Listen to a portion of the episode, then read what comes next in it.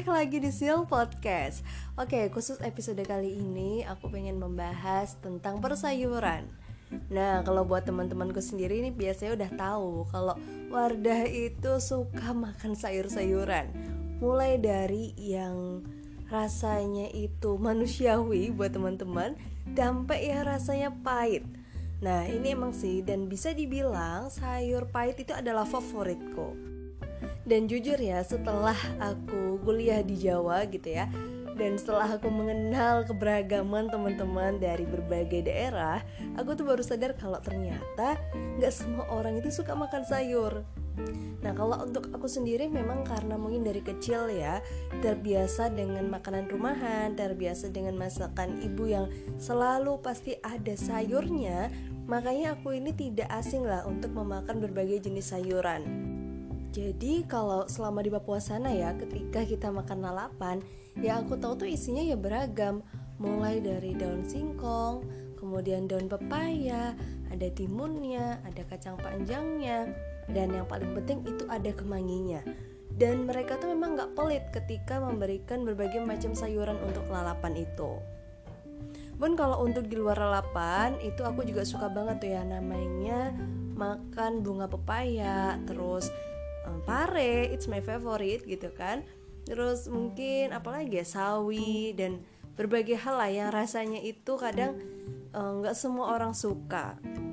Makanya waktu akhirnya aku memutuskan untuk kuliah di Jawa Mama itu agak sedih lah. Jadi untuk beberapa bulan tuh nggak mau memasak sayur pare. Karena alasannya takut keinget sama anaknya.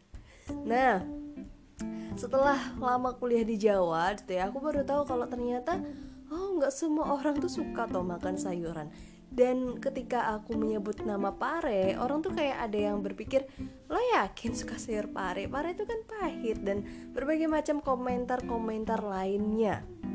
Padahal apa salahnya sih dari sayuran pahit? Toh mereka itu memiliki banyak manfaatnya loh.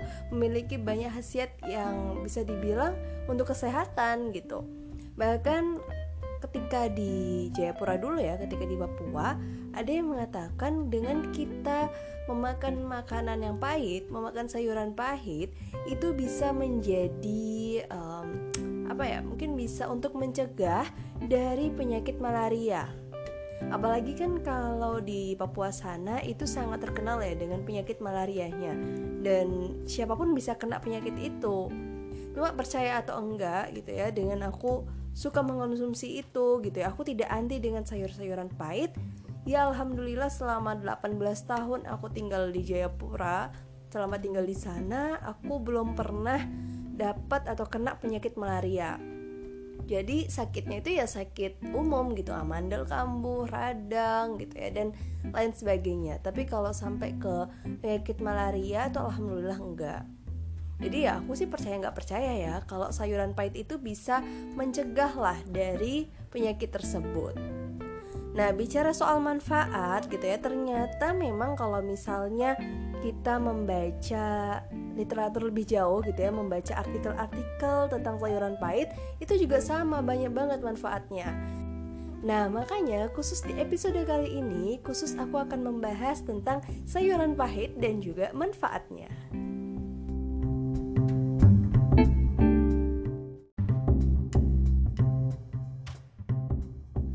Oke, seperti yang udah dibahas di segmen awal, banyak sekali sayur-sayuran yang katanya itu pahit dan menyimpan banyak manfaat buat kesehatan. Kalau yang udah aku sebutin di awal tadi, ada sayur pare, ada bunga pepaya, daun pepaya, lenca, kemudian sayur kale, sawi hijau, dan lain sebagainya. Nah, kalau mengikuti dari berbagai artikel ya yang ada di luaran sana, memang yang namanya sayuran pahit hijau itu mengandung banyak vitamin dan juga kandungan-kandungan lain.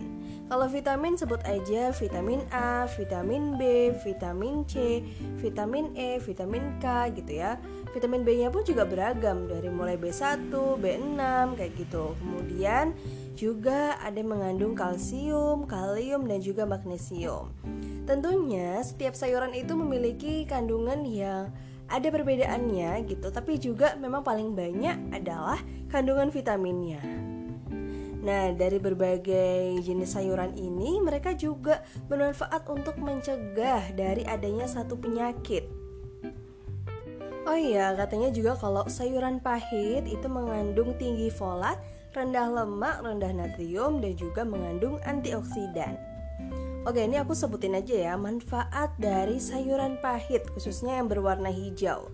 Jadi, katanya nih, yang namanya sayuran pahit itu bisa untuk merangsang dan meningkatkan fungsi pencernaan sehingga dia juga bisa untuk mencegah adanya asam lambung. Terus, beberapa sayuran pahit itu juga mengandung yang namanya fitonutrien yang dia itu akan meningkatkan fungsi kerja hati. Nah, itu juga bermanfaat untuk detoksifikasi. Terus nih, yang namanya sayuran pahit juga mengandung uh, apa ya? dia itu bisa untuk menyeimbangkan kadar gula darah. Nah, ini bagus banget buat eh, orang-orang uh, yang memiliki penyakit diabetes karena dia juga akan nanti mengeluarkan lemak-lemak dari dalam tubuhnya. Terus, yang paling penting juga yang namanya sayuran pahit itu bisa menangkal pertumbuhan dari sel kanker. Karena katanya dia ini mengandung yang namanya kalau nggak salah kalau nggak salah ini ya nyebut ya sulforah sulforahen dan ate atau acetogenin. Ya itu nanti kalian cek sendiri lah dan sayuran pahit itu bisa mempercepat penyembuhan luka, bisa menghilangkan bekas jerawat dan juga untuk regenerasi kulit. Terus ada lagi sumber yang mengatakan kalau misalnya nih kayak daun pepaya dia itu mengandung yang namanya karpasid yang bisa bermanfaat sebagai obat cacing. Nah, sedangkan kalau kayak lenca itu juga bisa sebagai anti radang dan sama juga untuk mencegah kanker. Ya kurang lebih sebenarnya kalau untuk uh, manfaatnya itu emang hampir sama gitu ya, tergantung dari apa sih yang pengen kita konsumsi seperti itu. Dan untuk manfaat-manfaat ini katanya sebenarnya ya Nggak cuma dari sayuran pahit aja loh Kalian juga bisa mendapatkannya dari kulit jeruk, kemudian dark coklat gitu ya Dan juga teh hijau Karena mungkin karena ini ya pahitnya itu ya yang dia mengandung satu satu apa ya satu bahan yang itu sangat bermanfaat dan baik untuk kesehatan. Oh ya itulah tadi ya sedikit yang bisa aku kulik tentang manfaat-manfaatnya. Nah, kalau untuk pengolahannya sendiri, sebenarnya ini mungkin tiap daerah punya khasnya masing-masing. Kalau yang di awal udah aku cerita kayak di Papua itu kami biasa memakannya sebagai lalapan dan it's okay gitu. Rasa pahitnya itu menjadi satu hal yang nikmat gitu, apalagi kalau ditambah sama sambal terasi. Terus biasanya kalau untuk bunga pepayanya sendiri itu dibuat sayur tumis ya terus nanti dicampur pakai uh, sayur kangkung jadi namanya sayur kangkung bunga pepaya Nah, kalau di tempat Papua sendiri ya di Jayapura sendiri itu paling sering kalau disajikan bersama papeda. Nah, itu udah paling komplit deh biasanya. Terus kalau untuk pare, pare itu yang paling sering dibuat tumis juga ya, tumis pare. Terus nanti biasanya dicampur dengan bahan-bahan yang lain.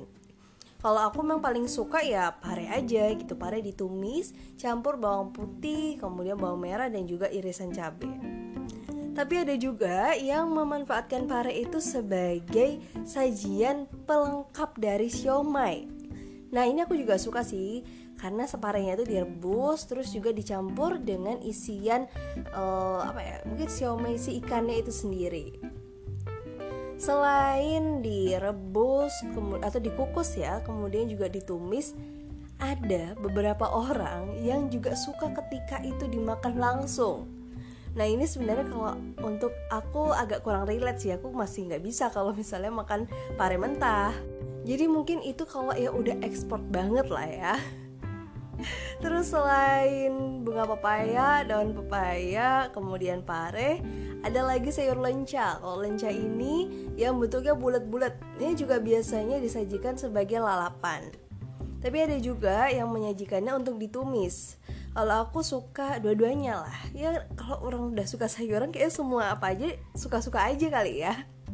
Jadi kalau misalnya untuk tumisan itu dicampur dengan bahan-bahan lain gitu. Kadang aku iseng dicampur dengan geprekan tempe gitu ya. Atau mungkin dengan oh dijadikan sebagai sambal. Jadi sambal lenca kayak gitu. Atau kalau ya udah mentahan aku jadiin lalapan terus ada lagi sawi putih eh sawi hijau. Kalau sawi hijau pun biasa standarnya di ini ya kalau nggak direbus dia ditumis sama seperti sayuran yang lain. Terus apa lagi sih yang pahit-pahit itu? Hmm, oh ya kalian tahu nggak yang namanya bunga sedap malam? Nah bunga sedap malam itu juga pahit loh dan tapi biasanya kalau misalnya untuk aku membuat tekwan gitu ya si bunga sedap malam ini bakal kita ambil bagian kuningnya kuningnya itu berarti mungkin bagian apa ya putiknya kalau nggak salah dari bunga itu kita pisahin terus kita ikat Nah, itu yang nanti biasanya kita konsumsi sebagai tekwan. Tapi memang dasarnya sayur itu juga pahit. Makanya benar-benar apa ya? Kalau misalnya untuk membuat tekwan sendiri itu diolah, diambil bagian yang pahit supaya lebih terasa nikmat.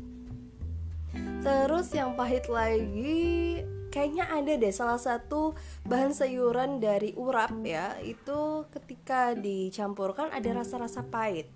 Aku agak lupa itu namanya apa tapi memang itu cukup menambah selera makan. Nah, bicara nambah selera makan, ada yang mengatakan gitu ya, kalau makanan-makanan pahit itu bisa mencegah apa ya, uh, membuat kita bisa menekan nafsu makan, katanya gitu. Tapi kalau buat aku dan mungkin untuk penikmat sayuran pahit ya, ketika kita mengonsumsi sayuran pahit itu justru malah bisa nambah nafsu makan. Apalagi kalau misalnya kita tuh lagi perjalanan jauh uh, kalau pengalamanku sendiri sih biasanya kalau lagi uh, perjalanan dari Jogja ke Pekalongan. Nah itu kan cukup jauh dan kami menggunakan travel. Biasanya kalau lagi mampir makan siang aku paling suka yang namanya ngambil bunga pepaya.